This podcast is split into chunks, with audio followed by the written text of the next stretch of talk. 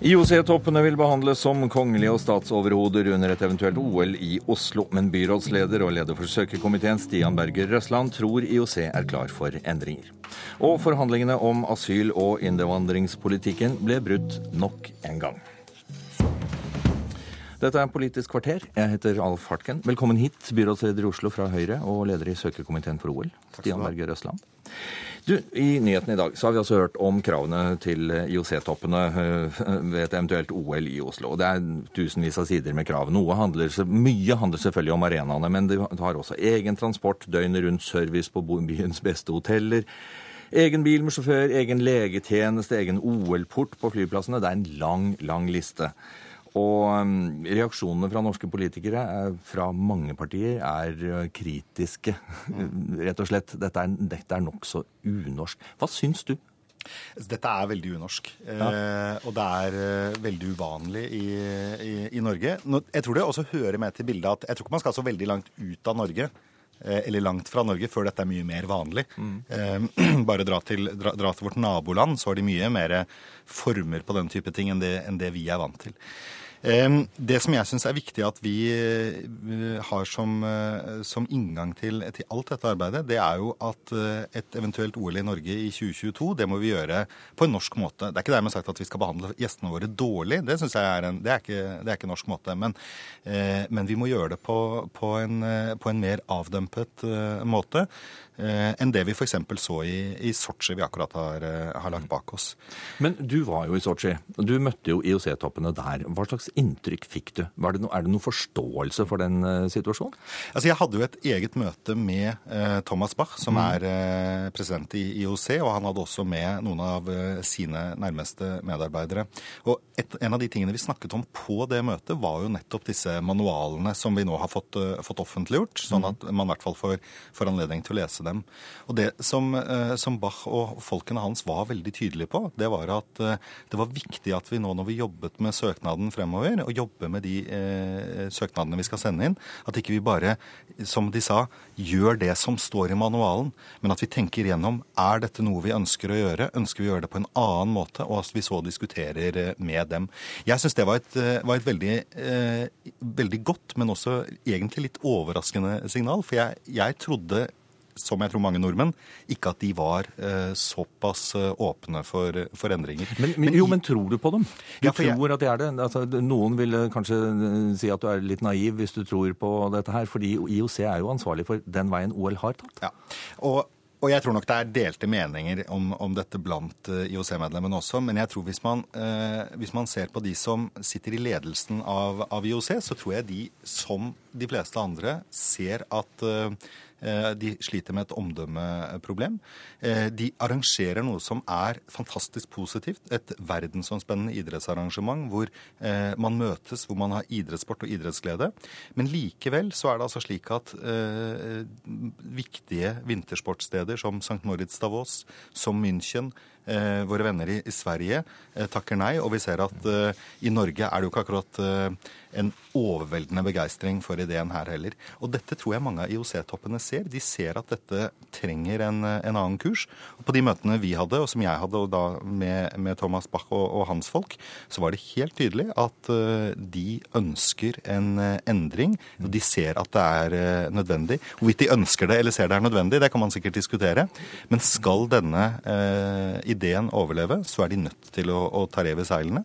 Og det betyr at vi må her i Norge finne ut hva vi syns eh, passer. Men, men, betyr det at Oslo da som søkerby, Norge som søkernasjon, faktisk er i en slags forhandlingsposisjon her? Altså, kan vi stille motkrav på et vis? Altså Det som skjer er at nå skal vi først uh, vise at vi er det som heter kvalifisert til å mm. gjennomføre. Det skal vi gjøre nå 14. 14. mars. Så kommer IOC til å sortere ut de de da finner ikke er kvalifisert. Og så må vi begynne å jobbe med det som blir et slags tilbud, kontraktsutkast. Det skal da presenteres i i januar. Eh, og det arbeidet har vi allerede startet med. Vi har eh, tenkt hva er det vi syns eh, bør, bør være inngangen til, til, dette. Hvordan kan vi bidra til å ta alt det som er rundt, og mye av det som vi så i Sotsji, ned. Og det kan vi skrive i tilbudene våre, og så kan vi ha en forhandling. Jeg tror vi har veldig gode kort på hånden, for jeg tror mange i IOC-miljøet ønsker å få et nedskalert OL i Norge, Samt, så vi ja. kan få til mye. Samtidig så, som, som Gerhard Heiberg, IOC-medlemmet Gerhard Heiberg også gjorde oppmerksom på i Sotsji, det er faktisk ganske mange i IOC som syns det var helt greit med et flott OL som koster 330 milliarder kroner. Det er ja. mange som må overbevises her. Ja, jeg, Det er nok også slik at mange i José ikke er så veldig opptatt av vintersport eh, heller. Eh, og det er, det er, jo også onde tunger som sier at eh, en del av dem ikke er så opptatt av sport i det hele tatt. Eh, men jeg tror nok at de som leder eh, den olympiske bevegelsen eh, fra dag til dag, de er bekymret, eh, og det var inntrykket jeg fikk når jeg snakket mm. med dem også. De er dypt bekymret over den situasjonen som er oppstått, og som de langt på vei har vært med på å skape. Den eh, misnøyen, den eh, ja, folkelige motstanden mot det arrangementet de, de, står for, og som de ser i land etter land. Og Derfor så er det eh, en mulighet nå Eh, hvor vi også kommer i en, tror jeg, en annen posisjon. Ikke minst fordi at eh, det er ikke så veldig mange konkurrenter eh, til Oslo. Altså, det blir stående igjen med Polen, Ukraina, Kasakhstan og Kina? Ja. Eh, og da tror jeg at vi har gode muligheter til å, å, forhandle med IOC både om nedskalering, jeg tror vi har gode muligheter til å forhandle med dem om, om, hvordan inntekter skal fordeles. Vi har gode muligheter til å forhandle med dem om uh, hvordan uh, vi ønsker å legge opp uh, dette. Og jeg tror vi faktisk kommer til å være i en forhandlingsposisjon som få søkebyer og nasjoner har vært i de siste årene. Og dette tar du også fra sjefen sjøl, Thomas Wach? Han var helt tydelig til meg på at uh, dere må lese manualene, dere må tenke gjennom ønsker vi å gjøre det som står, ønsker vi å gjøre det på en annen måte, og så må vi diskutere det med, med dem. Uh, det var et uh, viktig signal, det var et godt signal. og jeg tror det er helt nødvendig hvis OL og ideen om den olympiske bevegelse skal overleve. Takk skal du ha for at du kom til Politisk kvarter, Stian Berger Røsland.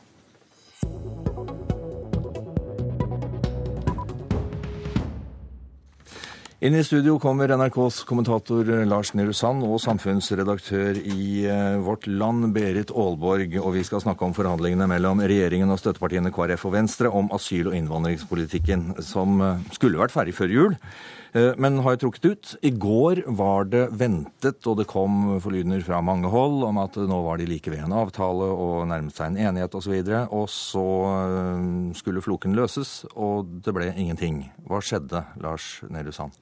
Det er rett før dette møtet, som skulle vært eh, det avsluttende i forhandlingene, så eh, bestemte man seg for at ikke alle følte seg sikre på hvor omfattende eh, avtalen skulle være, altså selve omfanget på, på både politikk og, og i hvor stor grad man skulle utvide den avtalen man fikk fra i fjor høst. Og ikke minst også hvordan man egentlig hadde tenkt konsept debatter rundt denne avtalen, hvor bindende og altomfattende den skulle være da man forhandlet i Nydalen, eller sonderte. Så da bestemte man seg for i stortingsgruppene, etter hva jeg har forstått, at eh, dette må løftes opp til den gjengen som var i Nydalen, altså først og fremst partilederne. Og det var et kort møte med statsminister Erna Solberg i går kveld, og man løfta det opp for at de skulle klargjøre hva intensjonen med hvor omfattende avtaleverk man skulle ha eh, på asylfeltet. Mm, men resultatet av det det ble jo at at de ikke gikk i noe møte og forhandlet videre. videre. Det, altså, Er man kommet nærmere en avtale gjennom den prosessen der? Man forhandler fortsatt med sikte på å komme frem til en avtale. Mm. Men det jeg fikk eh, SMS-er om nå rett før vi gikk inn i studio, er at man ikke har avtalt noen nye møter i dag. Og det virker fortsatt litt uklart om det er realistisk i det hele tatt å tro at dette løser seg før helgen, eller om man venter til neste uke. Berit Aalborg, du er altså samfunnsredaktør i Vårt Land. Hvis vi ser på støttepartiene her. Mm. Hvor, hva står på spill for dem? Hva, altså, hvordan ser de på dette her? Ja, Altså KrF og Venstre? For, for, å si det sånn, så er jo eh, både for Fremskrittspartiet, men også for støttepartiene, er dette et veldig politisk viktig område. Og det er jo flere viktige saker som står på, på spill. Jeg skal ikke gå inn i, i, alle detaljene, men det er klart det at her, eh, for, for, de to partiene så handler det om å få det man kan forsvare som en human asylpolitikk. Og Fremskrittspartiet har jo kjørt veldig hardt på, på asylpolitikken og, og faller veldig på målingene nå. Så det er klart at dette her er en kjempetøff kamp. Men det er nok ganske stor irritasjon irritasjon internt i de to små partiene over det kjøret som, som Fremskrittspartiet har satt i gang. Og, og Rotevatn, eh, altså da, da, snakker jeg om både at Carl I. Hagen og og Tybring-Gjedde og flere har vært ute og krevd at uh, Fremskrittspartiet skal holde en tøff linje. Mm. Og Rotevatn var ute og sa det at det er ikke altså, sikkert Sveinung Rotevatn, Sveinung Rotevatn i Venstre. Ja. Han var ute for, for, for, et par dager siden og sa det at det er ikke sikkert at de vil beholde støtten til, til, eh, til, regjeringen hvis man skal kjøre en så tøff linje. Og det samme tenkes nok en del i KrF. Sånn at denne irritasjonen er nok en stor slitasje på samarbeidet mellom disse fire partiene. Hvordan, eh, så, hva slags inntrykk har du av stemningen i forhold forhandlingsdelegasjonen, eh, Lars? Den har lenge vært veldig god. Det har vært noen små eh, basketak nærmest underveis. Men i går så var stressnivået økt betydelig hos alle fire partiene. Og det var tydelig at det skjedde brått og uventet at man måtte løfte dette opp. Og, og at man føler at eh, det var vanskelig å enes da i stortingsgruppene om hvordan man skulle ta dette videre. Og det er klart at det blir opplevd som provoserende at Eh, deler av den diskusjonen er tatt ut i media, bl.a. Med, med Sandberg og Tybring-Gjedde, som har mm. gått langt i å, å karakterisere eh, politikkutviklingen til Venstre og KrF som et slalåmløp, hvor man ikke stoler på avtalen eller stoler på regjeringen. og da Eh, da blir det sett på som mer frustrerende enn denne prosessen har vært. Eh, møtet på mandag f.eks., som mange trodde skulle være det siste, eh, ble, eller rapporterer man om at stemningen var svært god og latteren satt løst. Sånn virka det ikke som det var i går. Mm -hmm. Ja. Og så skulle jeg bare si at Det er nok et større behov i de små partiene å få en helhetlig avtale som man har avtalt på forhånd og lang tid frem. Mens, mens Fremskrittspartiet og Høyre, og særlig Fremskrittspartiet, ønsker nok stor fleksibilitet, sånn at de kan gjøre ting underveis i årene som kommer. Eh, hva er det med asylretten som gjør at avtalens omfang blir, eh, blir stridstema her? Spesielt at det blir stridstema helt mot slutten av prosessen også. Dette er 25 punkt fra Nydalen, som, eller denne avtalen som ble, ble klar i fjor. Eh, de 25 punktene skulle man operasjonalisere. Og så er det sånn at uh, asylretten så er jo uh, virkelig uttrykket at djevelen ligger i detaljene helt uh, på sin plass. Fordi at lovene som vedtas i Stortinget har selvfølgelig stor verdi, men mye av den virkeligheten forvaltningen forholder seg til hver dag når enkeltsakene skal vurderes, det ligger i forskriftsform. Og forskriftene kan regjeringen endre selv. Det trenger man ikke gå til Stortinget med. Så Kristelig Folkeparti og Venstre vil, helt riktig som Aalborg sier, selvfølgelig være interessert i at man binder opp regjeringen til løfter om eh, nær sagt hver eneste forskriftsendring, sånn at stortingsflertallet kan ha kontroll på det. Mens Fremskrittspartiet vil selvfølgelig si at selv om regjeringen ikke har flertall i Stortinget, så har man, eh, sin, er man i sin fulle rett da, til å endre disse forskriftene og bør ha mulighet til det som regjering, og at det er noe av det Frp skal ha igjen for å gå inn i regjering, noe Venstre og KrF valgte å ikke gjøre. Så eh, det at man eh, har et visst spillerom utover de 25 punktene, det var stridens kjerne. og Det var da man måtte gå til, eh, til forhandlerne fra Nydalen igjen da, for å spørre om var intensjonen at denne avtalen skulle romme alt, eller var intensjonen at det også skulle være noen hull utenfor. Eh, og Det spørsmålet bør de da ha fått svar på i, i går eller eh, nå snart, for å kunne fortsette å sluttføre forhandlingene. Ja. Må de bli enige, Olvor? Er de nødt til det? Altså, jeg tror nok de kommer til å bli enige på et eller annet punkt, men spørsmålet er hvor mye støy det skaper og hvor mange kameler som må slukes. Men jeg har bare lyst til å tilføye, i tillegg til det Lars Nehru Sand sier, så er det noen punkter her som har vært veldig vanskelige. Og en av de punktene som har vært veldig vanskelig, særlig for KrF og Venstre, er dette med at man skal plukke ut, eh, plukke ut grupper i, blant kvoteflyktninger. Og det opplever de to, partiene, de to små partiene som veldig sånn sorteringssamfunn. Så der ligger det. Vi, vi rekker ikke resten av lista for uh, tida går. Det var det vi rakk i dagens uh, Politisk kvarter.